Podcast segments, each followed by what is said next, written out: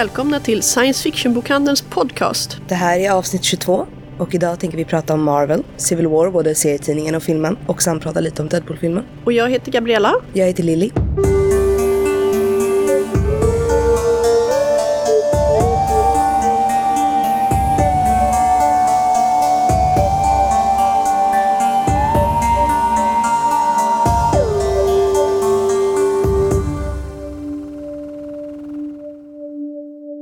Kanske hör så är inte min vanliga medprogramledare Jenny med mig, utan istället har jag Lilly. Hej, jag tror att jag har presenterat mig i något tidigare program. Väldigt intresserad av spel, väldigt intresserad av fantasy, skräck och lite sci-fi. Även om jag mest kollar på sci-fi, läser inte så mycket. Men äh, ja, brädspel, kortspel, men väldigt mycket digitala spel. Vi kommer även prata med Lisa Medin som tecknar våran samurajserie i vår nyhetstidning och Fabian Göransson kommer berätta om Martilo, den nya webbserien på vår hemsida och Linda kommer berätta lite om vad vi planerar att göra med serierna här i bokhandeln. Sen avslutar vi med Mats krönika Vårt liv i rymden. Dagens program handlar alltså om Civil War, den nyligen utkomna Captain America-filmen. Det bygger ju på en större seriehändelse som David och Andres kommer inleda oss till.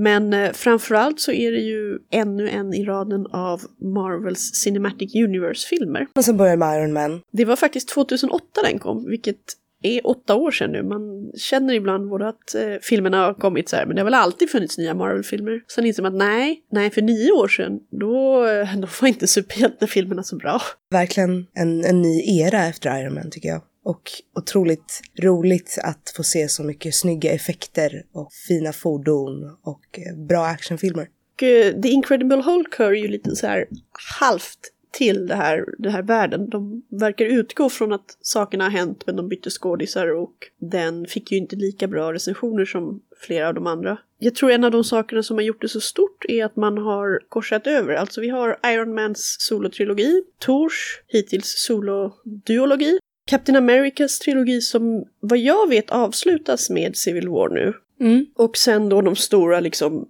The Avengers-filmerna när Ja. de möts allihop. Plus alla tv-serier. Jag tyckte ju kanske inte att det här kändes som en Captain America 3, så att säga, utan jag tyckte det var mer, mer Avengers-feeling. Det kändes som att det var nästan lika mycket screentime på, på Iron Man eller på, på andra hjältar än vad det var på Captain America. Jag tycker att Steves resa genom filmen har varit mer anknuten till de andra personerna. Han är ju så vilse i tiden i och med att han vaknade upp där. Det är helt sant. Jämfört med till exempel Tonys med Iron Man-filmerna som handlar mycket om hans egna problem. Eller Tor där, där de är i så stora delar i andra delar av universum. Precis som Guardians of the Galaxy. Inte så konstigt liksom att saker som händer på andra planeter inte knyts ihop lika tajt med det här än. Men det kommer förmodligen. Några som är väldigt insatta är David och Andres, så vi kommer nu låta dem få berätta om Civil War serievärlden, som är en av de saker många har frågat om. Var ska man börja, vad ska man läsa och hur mycket skiljer de sig egentligen åt? Marvels Civil War, serieeventet. Och jag har med mig Andres och David som är två av våra riktigt stora serieläsare här på bokhandeln. Varifrån kommer ni som läsare? Jag kommer from San Diego. My name's Andres, and I've been reading comics for almost about as long as I can honestly remember. I mean, I remember going to Comic Con when I was a young child. I remember collecting comics, and I think I remember reading comics with, like, let's say the 90s. I think one of my first comics I ever bought and owned myself was uh, Jim Lee's X Men number one. Now, I didn't buy that obviously when it came out, but I remember reading that and then thinking, like, oh, cool, look at the muscles. And then, you know, actually growing up and reading comics, then since then, comics have always been a kind of a part of me.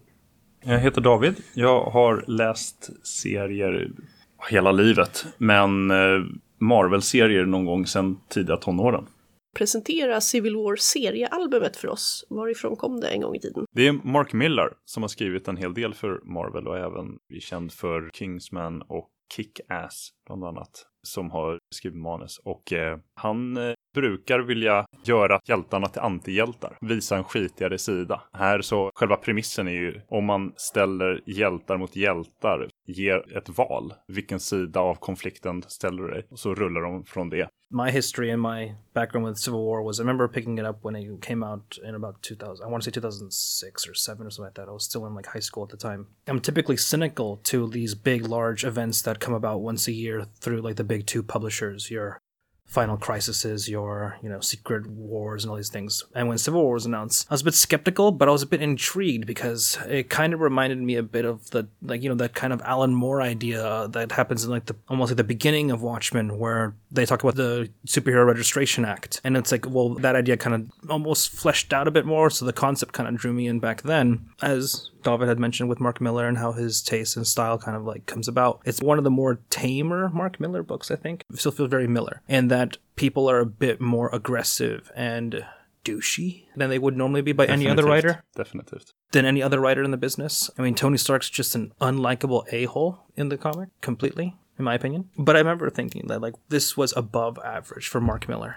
När den här kom så Marvel-serien hade börjat bli mer politiska och Ultimates hade ritat om kartan. Oh right, the ultimate line around the time of like the Tobey Maguire films, Marvel was basically deciding that we really need to reboot the universe and world, but we also don't want to piss off everyone who followed all the continuity. So they decided this idea of the ultimate lines, an idea of almost like let's bring all the superheroes into a modern era and begin with like origin story ones. The headrunners of this kind of like arcs were like uh, Joe Quesada, Brian Michael Bendis, and Mark Miller. Mark Miller doing the Ultimates version, the more darker, more infamous one of them with some really kind of like twisted moments that is still kind of divisive amongst some fans at the moment. Things like Ultimate Spider-Man, people I think really loved. And things like the Ultimates kind of divided the line a bit.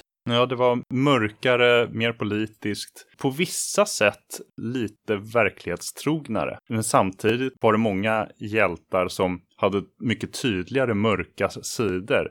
Hank Pym som slog sin fru, Captain America som mycket mer uppenbart var en pojkscout från 40-talet och ganska missanpassad i vår tid. Och Tony Stark som var den här playboyen som låg runt och utvecklade vapen. Incestuous relationships between Quicksilver and Scarlet Witch. Ja, mycket mer uttalat. Yeah. Ja. Sen dök den här Civil War upp och tog, det är ju samma Mark Miller som har skrivit den här då, och han plockade över det här att hjältarna inte bara gör hjältiga modiga saker. Men han går lite till överdrift, tycker jag.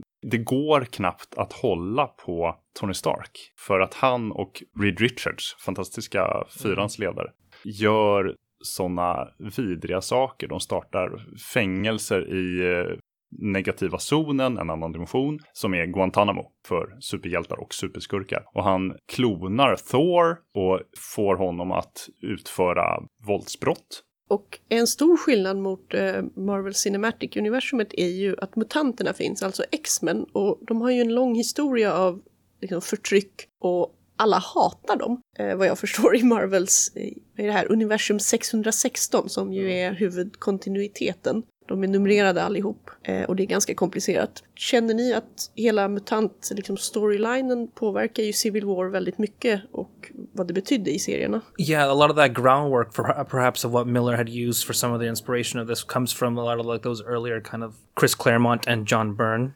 and kind of reimagined a lot of those kind of like prejudices and fears in, into, into Civil War.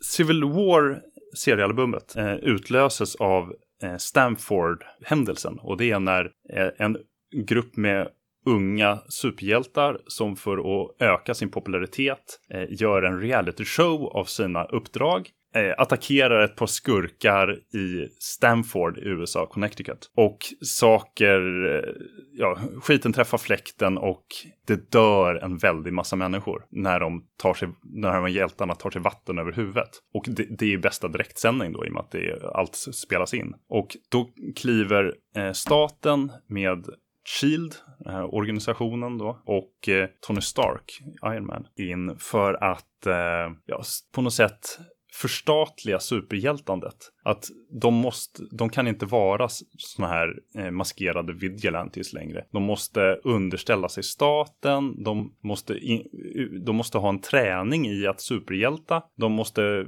få ett körkort på att de kan använda sina superkrafter och staten måste kunna känna till deras hemliga eh, identiteter. Och det är ju en ganska intressant premiss, för det det är ju märkligt att det inte är så. I alla fall som liksom, statsälskande svensk tycker jag ju det.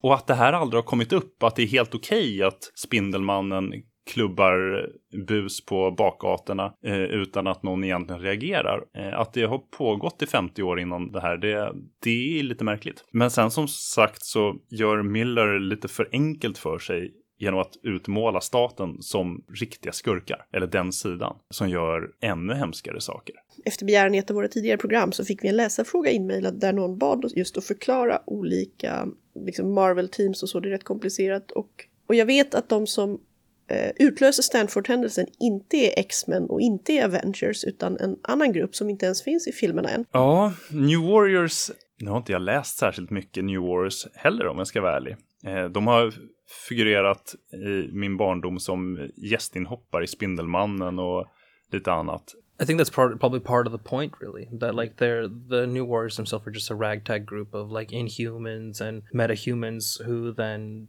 make a group and are fairly like you know you can't even call them C list, like D list. And the the way to begin begin the series probably good to have a D list group cause the issue. Och en, and that's, uh, that, that even the weakest, most insignificant group poses a threat and poses a, a problem. Ja, och dessutom så kan de eh, spränga dem utan att de kommer gråta. Men eh, absolut, det finns, alltså det finns ju en stor, stor mängd med superhjältegrupper. Avengers är den största. Eh, X-Men är nästan lika stor, bara mutanter. Eh, sen finns det ju, bara inom Avengers så finns det ju New Avengers och vanliga Avengers och Mighty Avengers och all, alla de här olika grupperna som, eh, som på olika sätt har ja, hoppat in och ut ur historien. Eh, men Avengers är ju de, den, den, stora, det är där Captain America, och Thor och Iron Man brukar vara med. I alla fall någon av dem alltid. Sen finns det ju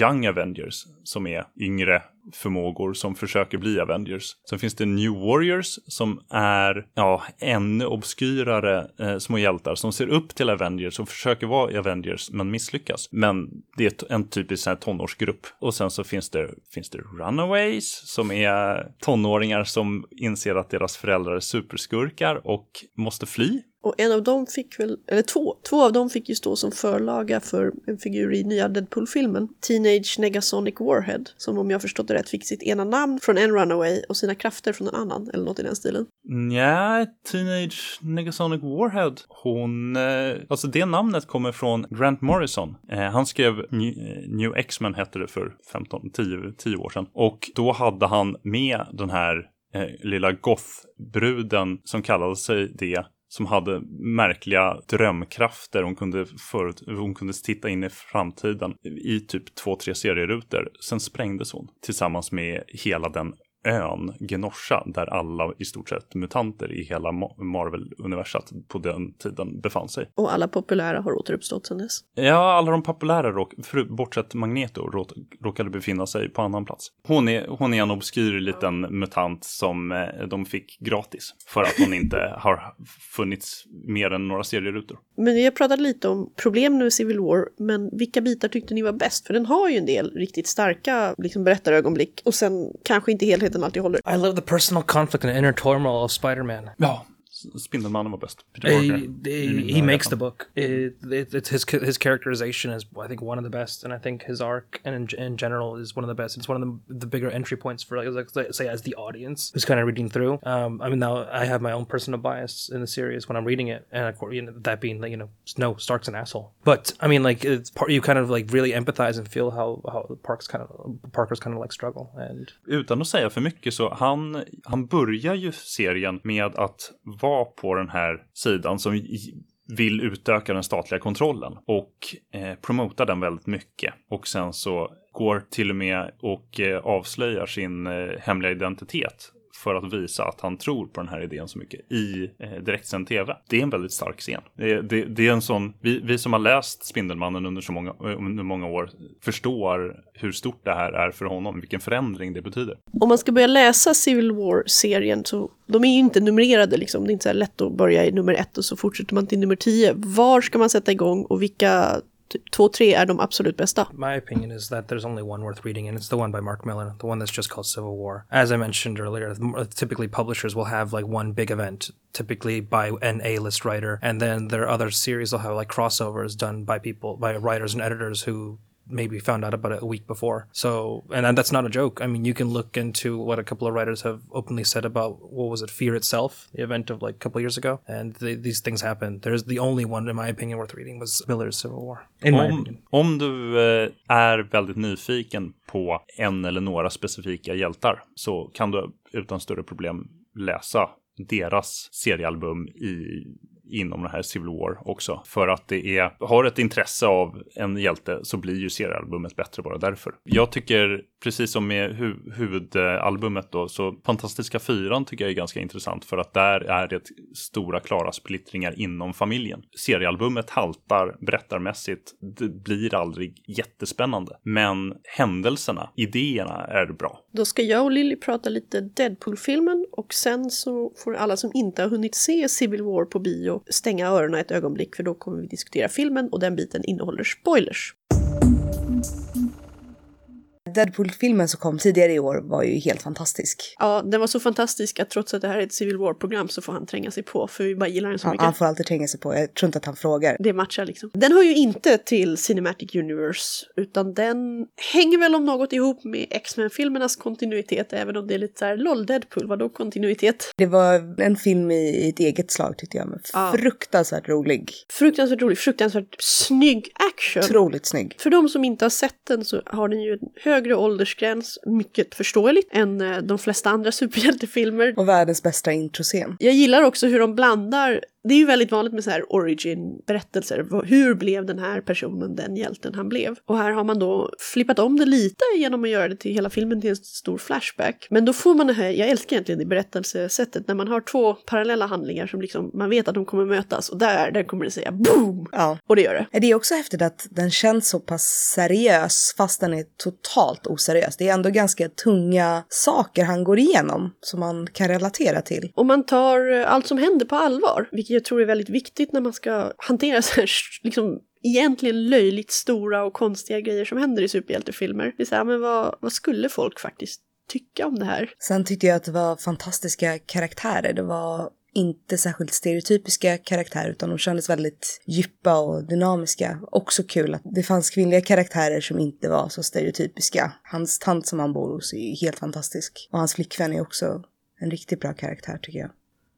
Ja, och jag älskade Negasonic Teenage Warhead. Åh, hon var så söt! Och jag menar, ska du hitta på en nästan original egen liten X-Men-figur och dessutom ta det här namnet, det är ju ett namn som kommer ur serierna men hon dyker bara upp i typ en serieruta eller tre. Då har man gett henne rätt krafter och rätt personlighet.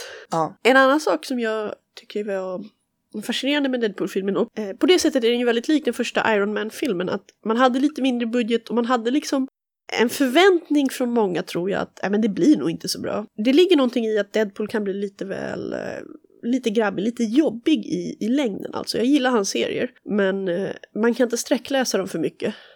Mycket också för att han har så episodiska äventyr. Så man blir lite så här, "Ah, ja nu, nu blev det lite tjatigt. Och då är det så här, håller det här för en hel film? Kan man, kan man få det eller kommer det kännas som, jag vet inte, Dum och Dummare 14? I den här filmen funkar det ju kanonbra. Det är ju också som du säger, att han går igenom sin livshistoria eller hur han blev Deadpool så att säga. Så frågan är om han kommer klara att ha en hel film själv till eller om det kommer bli en, en crossover. Vi har ju Cable, sen har vi ju Wolverine vs Deadpool så att han har ju redan många crossovers. Alltså Cable och Deadpool är ju nästan inte en crossover, det är ju liksom därifrån han kommer. Det finns väldigt mycket bra material att hämta ur. Allvarlig är fel ord, men för en, en gedigen historia.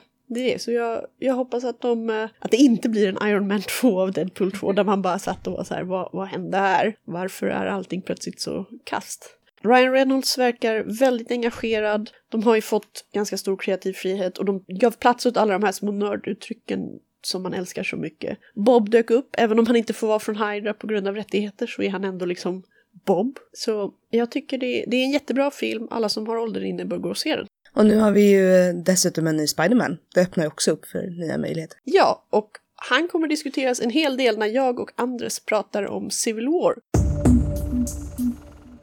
Welcome back to the Captain America Civil War Marvel Cinematic Universe film discussion now. I'd like to note that David, the nice gentleman with the amazing voice, had to run out of the room as fast as he could because he's actually going to watch the film tonight. He has yet to see it at the time of this recording. I've seen it, so we'll discuss And, it uh, instead. I've seen it twice. Ooh, you like it that much? Do you prefer it to the to, to comic be, version? To be fair, though, someone bought me tickets as a present before I knew that I bought my own tickets. But in answer to your question, actually, yeah, I do. I actually prefer the film to the comic. I think we were discussing in the banter before we started recording that the comic is, I will say, above average Miller, personally, but it's a bit of a mess. And I really liked the like the adaptation. Adaptation is the key word of what they did with the with the film. Yeah. There are elements, there are brush strokes and tones, similar ideas, but handled in this in in this way that the Russo brothers directly following Winter Soldier that I thought outshone the comic in very very bright ways. and also outshone the Age of Ultron movie, in my opinion. Oh, outshone Age of Ultron, absolutely. That one kind of felt a lot like the Civil War comic to me, that it starts off interesting and then it just sprawls out into this mess of too many plot threads Mm. and characters running all over the place. Age of Ultron had some really nice character moments, the kind that Joss Whedon's good at, and then it has the really really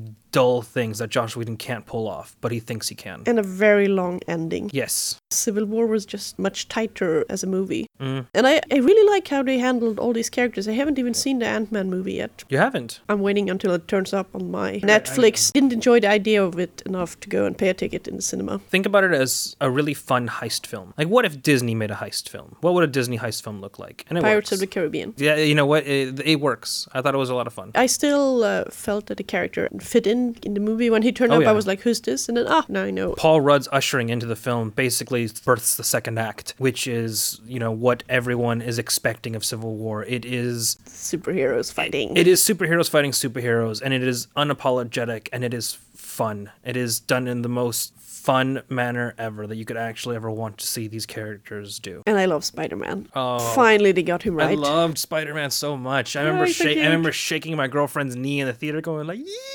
Actually, the second Queens came up on screen because throughout the film there are constant callbacks to locations. You know, like Lagos, we're in here, we're in there, blah blah blah. And then the last one they do, if you notice, is Queens. And when that comes up, I'm like, there's only one reason to ever go to Queens. well, the American said it, not I. I feel that the Maguire fil- movies have good things in them, mm, less good things. But I never liked the Andrew Garfield movies much. He wasn't quippy. He wasn't Spider-Man's quippy. supposed to be quippy. I mean, like uh, Tobey Maguire at times felt like an adult trying to be a kid, which uh, was whatever. I, I, I- think I have a bit of an infinity for the Spider-Man films.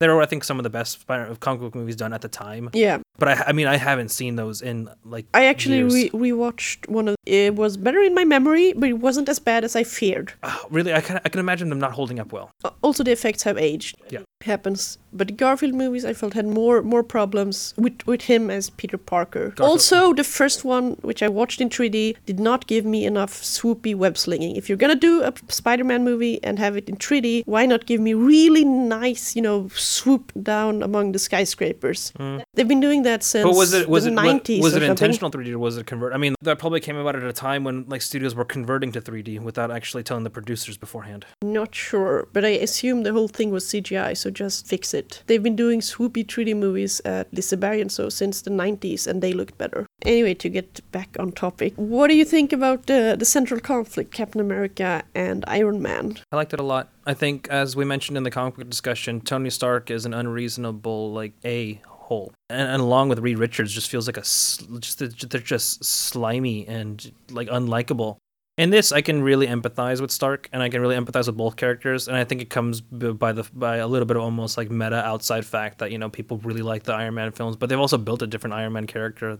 You couldn't have an, an on-screen ad- adaptation of Mark Miller's Tony Stark in this film. The lack of 50 years of Continuity. anti-mutant races makes it a very different thing when they, we have this one group of Avengers that are Mm. privately funded, are growing to become almost a mini army with extremely heavy weaponry. And there's no not the same check as in the Marvel Comics universe where you have like heroes and metahumans popping up everywhere all the yeah, time. yeah. In Civil War, it's treated almost as, as like an epidemic. Everyone has chosen to be where they are.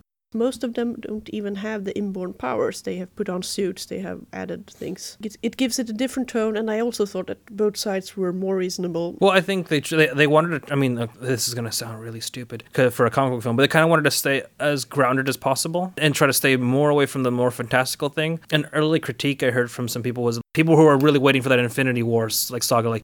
Well, you know what the H? Where's where, where where's my Thanos? Like, I mean, bringing that in would have been a bad idea, even though they're trying to set up the whole sequels and whatnot. Still on the move, I just assume. We exactly, but keeping the you know, prison in like a more grounded, you know, at least more quote unquote believable form is just keeping that same tone. Yeah, that's that's very true. It really worked for me, uh, except the part where it appears as if the UN has come to this decision in a week. An hour, yeah, and every every leader has been managed to just converge in in, in one place. Yeah, But except from this political nitpick, I really felt that it worked for a superhero movie. You have Mhm. to accept that people can fly with boosters on their feet and things. And the accents were good. They actually got all right. They got a German bad guy to play Sokovian. Sokovian, but maybe he was a runaway Nazi. It seems to happen a lot in Marvel Universe. Baron Zomo himself has a long history in the, in the comics universe. But this is not Baron Zomo. It's a character with the last name that I'm convinced was just there to kind of throw off people, kind of almost play with people's expectations. I mean, I was sitting expecting the big reveal to be some kind of I have this horrible plot and now Hydra will rise again. Mhm. And then it's all, no, I just hate you personally. I really hate you guys. Can we just talk? Can we just gush about Spider-Man for a few more minutes? I went in really wanting, really, really hoping the Spider-Man stuff was good, and it wasn't just a glorified cameo. Like it wasn't just like what we saw in that one opening trailer. Yeah. Where it's like, hey guys. I was really hoping that it was was going to be more than that. And quite frankly, I walked away from the from the film going like, oh, oh, I could have wanted more, but it was more than I expected, and it was so every every minute was just so delightful. I really, I really enjoyed it too. But that brings me to one of the critiques I've heard of the movie. That since this isn't an Avengers movie, it's a mm. Captain America movie, and it's I think the last part of his trilogy. He's not gonna have any more solo movies as of yet. Might change. Do you think that's a fair critique? Was it too too little Cap? I think the first act very much felt like a direct follow up to The Winter Soldier. It really did. It has that same kind of espionage, kind of like Manchurian candidate, almost Jason Bourne style of, of pacing and editing. And it, it really felt like the real spiritual successor to Winter Soldier. The second act is like what we should have gotten out of Age of Ultron and didn't. It was so many heroes having a big, huge, fun time. The third act, I think, brings it back a bit, although it then still focuses a lot on, on Tony Stark. You know, the very much almost shared screen time there. I legitimately felt that it was uh, a Captain America film. It reminded me a lot of like what I thought was some of the best runs of like uh, the only good runs of Captain America, which is like by John Cassidy, and then like some of the Ed Brubaker stuff. I liked the Winter Soldier. I enjoyed the plot of it, but I had a hard time connecting to several of the characters. I just enjoy the other heroes more, and that's a matter of personal taste. So I enjoyed. I was like, yeah, Iron Man is funny and messes up again. You know what? I really liked what they did with with, with Iron Man in, in this in this film because it, it feels like a legitimate culmination of the arc that they've built for the cinematic universe. If you remember, Iron Man three is all about post traumatic stress disorder. Yeah, absolutely. He he feels very in character all the way. Exactly. And then like this feels like a legitimate continuation of that. Like, you know, he's been feeling guilty and uncomfortable with this for some time. That felt right and it felt like the right characterization. Captain America to me also felt like amazing characterization. I, I brought this up to quite a lot of colleagues in and around the store that I think a really big difference between the comic Civil War and the film Civil War is that Cap in the comic has been Cap for like, you know, 20, 30 years because it's all continuing continuity and Marvel and whatnot. So he's very much unsure of himself and he's very stand your ground. And Cap in the cinematic universe has really only been Captain America for like what, six years? Something and like that. it- like six years and then maybe two, like another like three years in, in World War II. His entire life as Cap has really only been about nine years and there was a big and there was a pause in the middle, you know. So he's a bit unsure of himself and in Civil War, you know, the first act is all about him kind of feeling something but not sure and almost coming to terms with how he should feel. One of the most powerful moments I think in the film was, and I believe it's actually a Mark Twain quote, and it's delivered by Agent 13, who then says that the that her aunt gave her this quote about it's your job to stand your ground and tell the world to put that you know you move. It's a Mark Twain quote that Captain America has used repeatedly in the actual comic books, and I think if I'm not mistaken, even in the actual comic book Civil War, in speaking to Spider-Man. Am I am I crazy? It's been a long. It's been I since high school. I don't remember. It's been I, since I high also school. never recognized the quote, which I think makes it harder to stick. Cap has used that to talk to Parker into like, you know, telling him why he feels this way. In this version, Agent Carter, Peggy Carter, still from the grave shaping Steven Steve Rogers. This this universe's Steve Rogers, which just it made me tear up bit and then which was awesome. I love those things when they can include them in comic book movies. Or all adaptations. When you call back to something in the original which if you don't know it i i never recognized this quote and i mm. felt it was a good moment. It makes him think you can see that but if you know it then it's like yes! Mm. Oh it's so beautiful. Oh i can ask you do you know who martin freeman was? Like he was one of the few characters which stuck out to me as what is he doing here because the camera was like on him a little too much for him just being some random background To dude. be honest,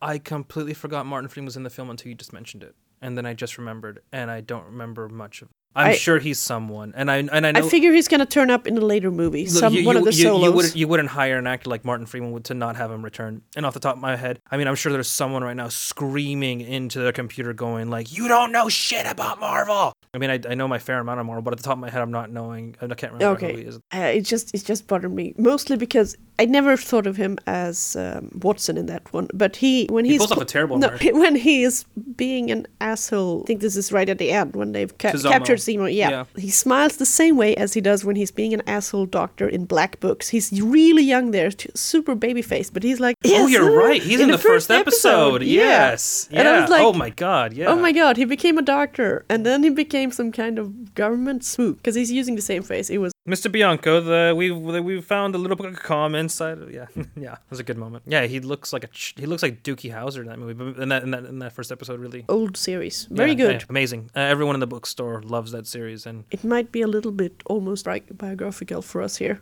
Are you looking forward to anything in particular for the coming movies? There's I mean, there's I know for a fact Doctor we're getting Doctor Strange, Strange, we're getting Black, Panther. Spider-Man. Spider-Man: Homecoming, which I don't think is necessarily part of the cinematic universe, is still technically produced by Sony. But I know Kevin Feige has mentioned that they have created control over some of like the script value, scripts and stuff like that.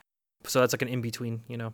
Then there's Infinity War one and two. I know that. Of course. Uh, I'm not sure, but I, but I think before I had to shut off my phone for this interview, I think I read something about the Inhumans being pushed back. Guardians of the Galaxy 2 is coming. I know that. Fresh Ant-Man- rumors Ant-Man about maybe finally a Black Widow movie, which is years overdue by this time. You know who I want doing a Black Widow movie? Brad Bird. Who? The man who did The Incredibles. He's also done, I think, one Mission Impossible live action film. And I mean, that could totally work.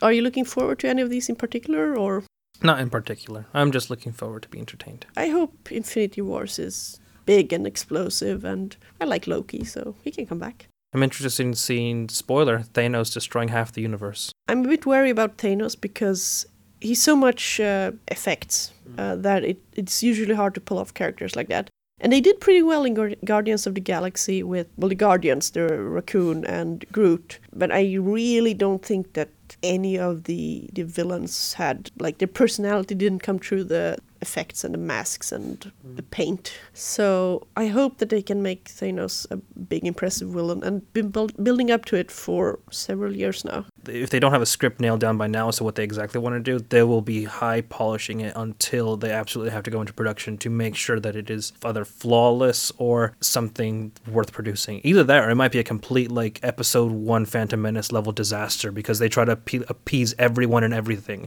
Either way it'll be entertaining. I do hope also, I mean, one of the things they've been doing with Thanos is not showing him too much, and that's one of the basic tropes of horror. Don't show the horrible thing until you absolutely have to, because it's never as bad as the audience imagines it. But also, if they're gonna have Thanos be as horrible as he is in the comics, then they will have to do something about that. 274 dead at the Thanos invasion is not very likely. Unless they put it all in Asgard and just blow up, I don't know, Vanaheim. I mean, I'm assuming they're gonna go. They're they're doing the whole you know falling in love with death thing, because from what I understand, that's kind of. I mean, maybe I'm going into like super spoiler territory that our audience doesn't want to know, so I'll just stop myself now. It's comics. Yeah, Anything is canon in some continuity. that's true. And I think we'll quit there and hope you enjoyed our Civil War pod.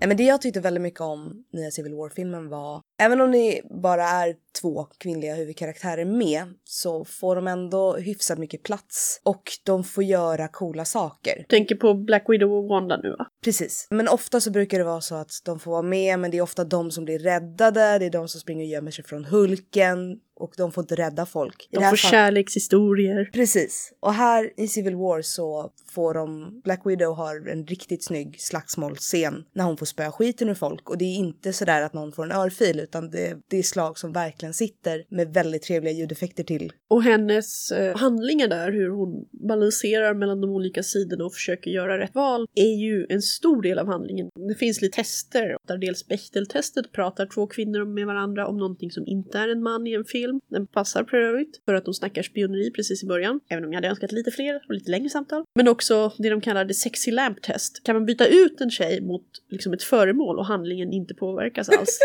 Och det det finns ju vissa figurer som förmodligen skulle gå att bara plocka bort. Till exempel Hawkeye gör ju inte så mycket i filmen. Om han försvann skulle inte handlingen påverkas. Nej. Men det spelar ingen roll för du har 40-14 andra manliga hjältar ändå. Black Widows roll är ju absolut inte så. Och inte Wandas heller. Nej, Wanda får ju dessutom rädda någon, ska inte spoila här. Och dessutom göra misstag som kvinnor inte brukar få göra i filmer, vilket känns väldigt fräscht. Ja, så på alla nivåer faktiskt har de satt ihop en riktigt rolig, gedigen film. Och jag hoppas att det kommer mycket snyggt extra material också när den dyker upp på DVD. Det gör jag också.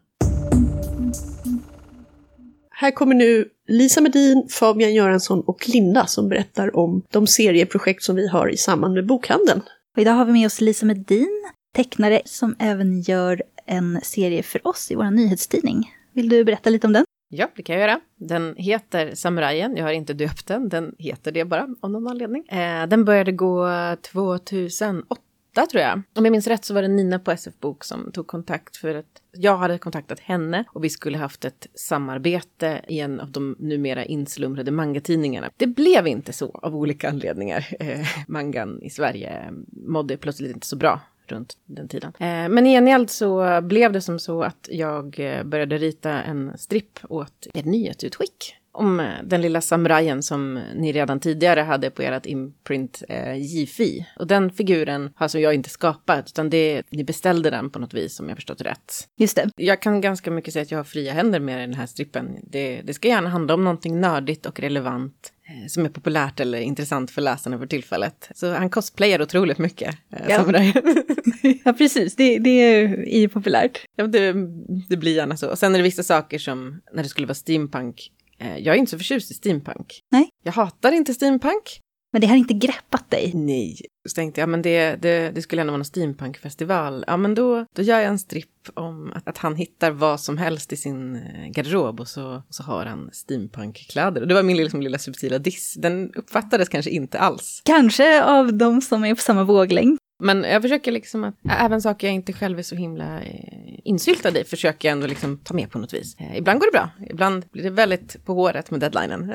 Ja, men det är väldigt roligt att ha en, en kommentar på aktuella nördhändelser. Men du gör ju inte bara den serien, du, du tecknar ju serier på heltid. Du gör ju massa egna serier. Mm. Jag har, jag, jag, återigen, jag är värdelös på tidsmarkörer och sånt, men jag tror att om jag inte räknat helt fel så är det nu fem år sedan jag sa upp mig från mitt dåvarande dagjobb för att bara liksom syssla med serier och workshops och illustra, ja, illustrera och, och rita på min min egen serie. Och det har ju gått bra. Det har ju varit kul. Jag tycker inte alla kanske borde göra det nu på studs för det är ganska oansvarigt, men, men det är väldigt roligt. Ja, om man kan och vill och verkligen kämpa för det så är det väl värt det. Ja, alltså om, om man känner att, att stjärnorna står rätt liksom, i formation så, så tycker jag absolut, go for it. Eh, Men det hjälpte ju att jag hade, jag hade byggt upp en liten kundkrets under ett par år. Vad är det för serier du tecknar just nu?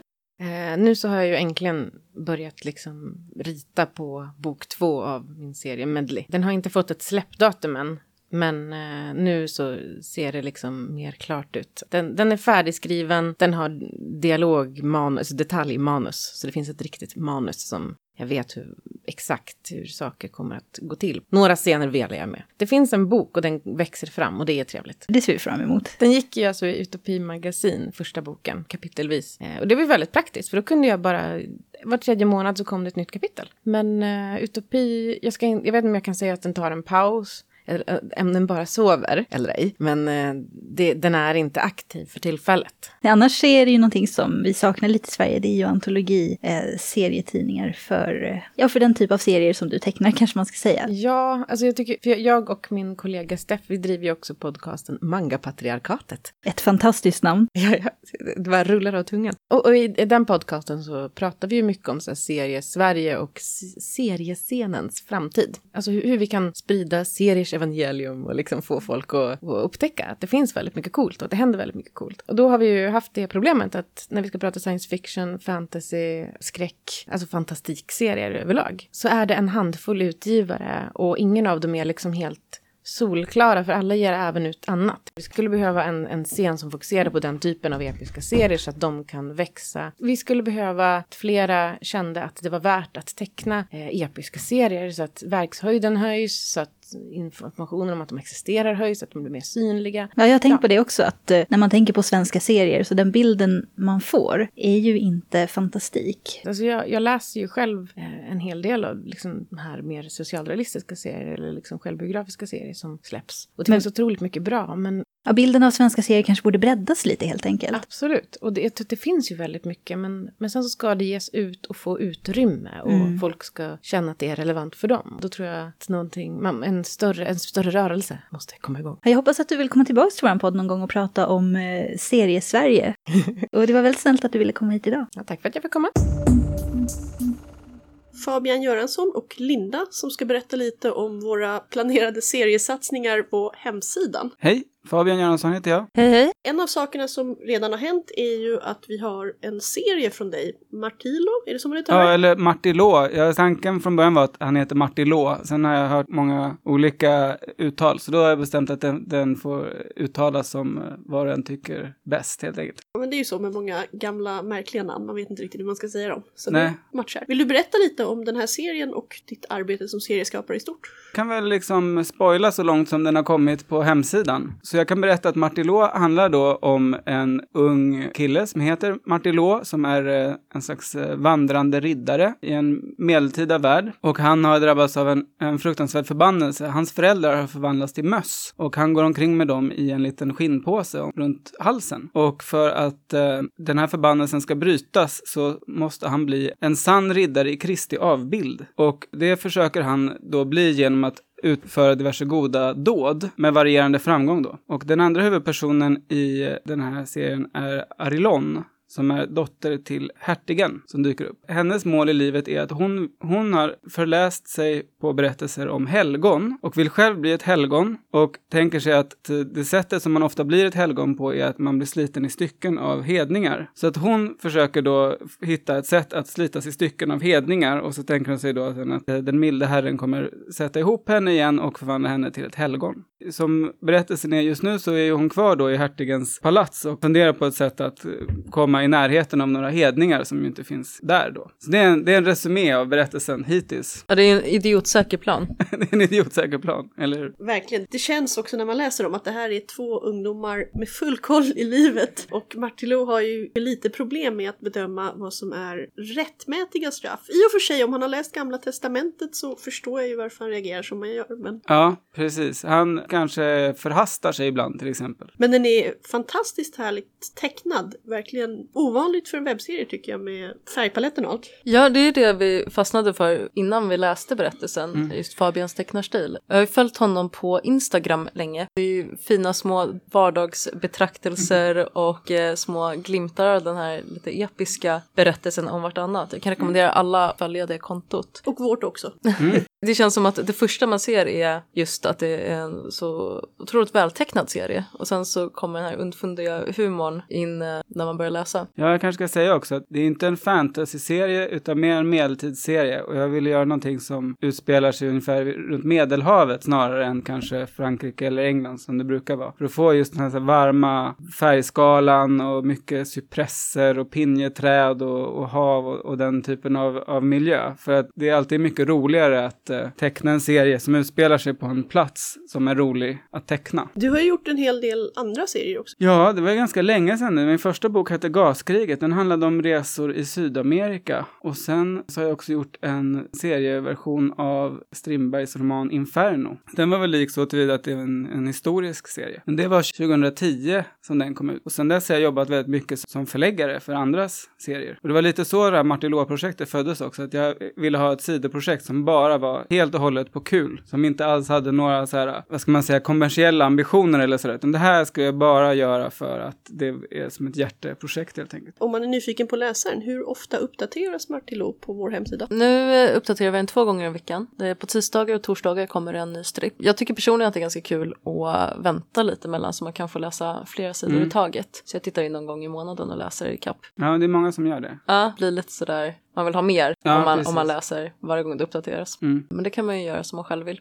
Då ska jag fråga Linda, vad är det som kommer hända med serier i vår bokhandel och på vår hemsida? Här i SF-bokhandeln så vill vi ju satsa mycket på serier. Vi, vi älskar ju serier och eh, ett problem vi har haft har ju varit utrymmesbrist. Just nu håller vi på att bygga om i butiken. Förhoppningsvis ska det bli lite mer plats för serier så att vi kan ta in mer, ha ett bättre utbud, skylta bättre. Och det här ska ju då slå igenom så att det syns på hemsidan också. Mer recensioner, ambitionen är att vi ska ha ett eh, nyhetsbrev en gång i månaden med eh, just serietips. Då både gamla klassiska serier man kanske har missat, lite grundkurser i de olika förlagens utgivningar, svenska serier, samarbetar med de svenska förlagen och sen så naturligtvis recensioner av nya serier. Det kommer bli mer serier allmänt i SF-bokhandeln framöver. Och det här, eh, Martilo är ju en bra ingång. Tack så mycket då, Fabian och Linda. Tack, tack. Vår butikschef Mats Claessons krönika Vårt liv i rymden Logg 2112. En fullständig kropps och medvetandesimulering av författaren Peter Englund. Av postdoc lab lit vet Mats Claesson, Stockholms nya universitet, år 2112. En gång, för länge sedan, satt döden på sin tron och skådade ut över världen. Hela riket var hans. All grönska, fröbärande örter och fruktträd följde hans vilja. Levande varelser i havens djup och bevingade fåglar som flög under himlens fäste. De vilda djuren, boskapsdjuren och kräldjuren på marken. Inget levande undgick dödens skarpa blick. Döden vakar över minsta lilla organiska kemiska substans. Vare det arkéer, eukaryoter eller sporer. Såg döden tecken på reproduktion eller metabolism skyndade han dit och kastade sin skugga. Kom ihåg, du är dödlig. Människan glömde inte. Hon kunde inte glömma. Döden gick vid hennes sida dag som natt med blankslipade vapen som bar namnen sjukdom och åldrande och slog kroppen med skröplighet och sinnet med fördunkling. Situationen var ohållbar. Så människan skapade berättelsen för att förlika sig med tanken på döden. Det gick 100 000 år. Peter Englund, berättare av manligt kön, levde i Sverige, norra halvklotet. Han föddes 1957 år efter Kristus och skrev berättelsen Stridens skönhet och sorg. Utgångspunkten för den här labbrapporten när han var drygt 50 år gammal. Fotnot. Kristus. Kristus bestämde över tidens gång. Han påstods ha besegrat döden och utlovade evigt liv till dem som följde honom. Vi vet inte så mycket om Peter Englund.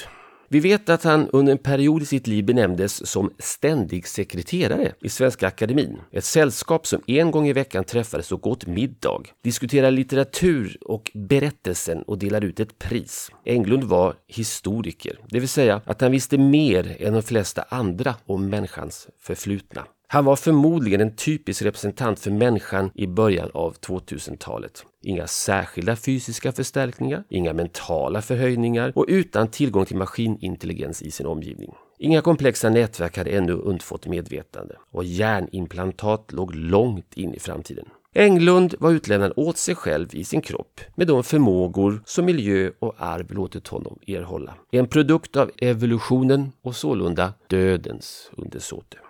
Något om hans bok.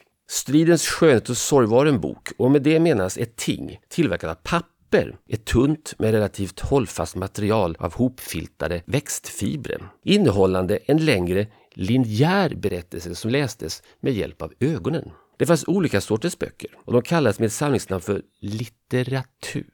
Berättelsen, här förstås som de olika framställningsformer som människan förfogade över i vid bemärkelse konst, musik och litteratur med annat, hade på Englunds tid inte längre någon betydelse för att förklara varför det åskade eller blev översvämning eller föddes varelser med två huvuden. För gudarna hade tynat bort ur människans medvetande och istället sysselsatt sig berättelsen eller litteraturen med neuronstormar i nervsystemet, så kallade känslor.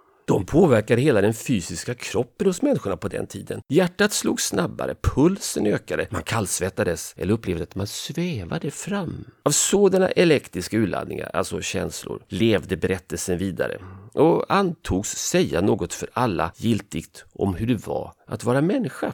Och det förefaller för övrigt som om mer komplexa känslor var särskilt väl lämpade att gestaltas just av litteraturen. Och störst av känslorna var kärleken, medan somliga menade att hatet var dess jämlike, andra hämnden. Författare, alltså de som likt Englund tolkade den här berättelsen eller litteraturen, de hade vissa givna förutsättningar, regler att följa. Englunds berättelse är då en roman, med vilket menades att det var en längre berättelse indelad i så kallade kapitel, närmare bestämt 212 stycken. Romaner ansågs vara fiktiva och lästes som underhållning. Fotnot. Stridens sorg och skönhet, Englunds roman, är noga räknat en så kallad historisk roman. De personer och händelser som utgör berättelsen har inträffat, men är skildrade enligt romanens regelverk för person och miljöskildring, spänning och så vidare. Englunds berättelse handlar om ett stort och mäktigt krig i människans historia.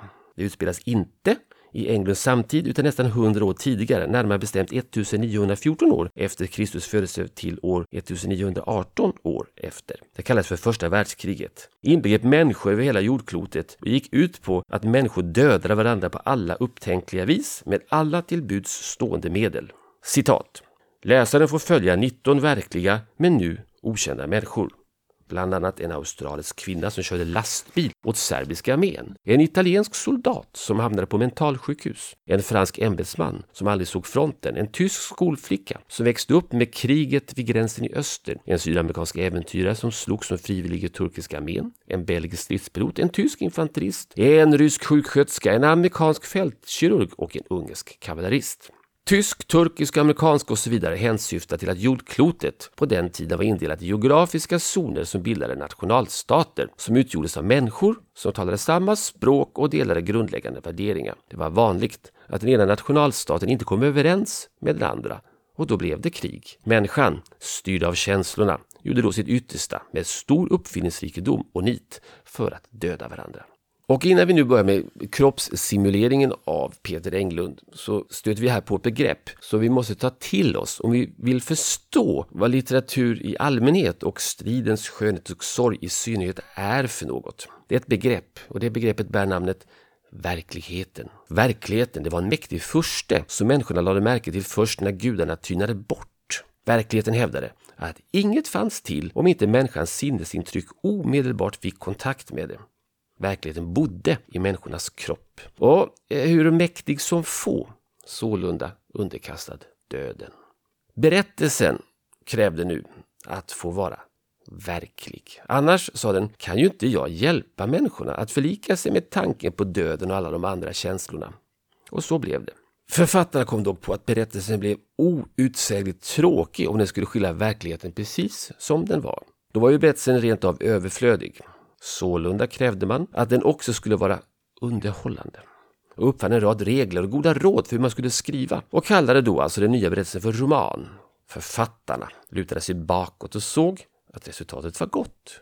Verkligheten var degen som knådades och formades efter romanens regelverk, efter kravet på underhållning och på uppdraget att gestalta kärleken, rädslan, fåfängan och alla de andra känslorna och kanske på så sätt hålla döden på armslängds avstånd. Allt var fiktion, påhittat, men i verklighetens tjänst.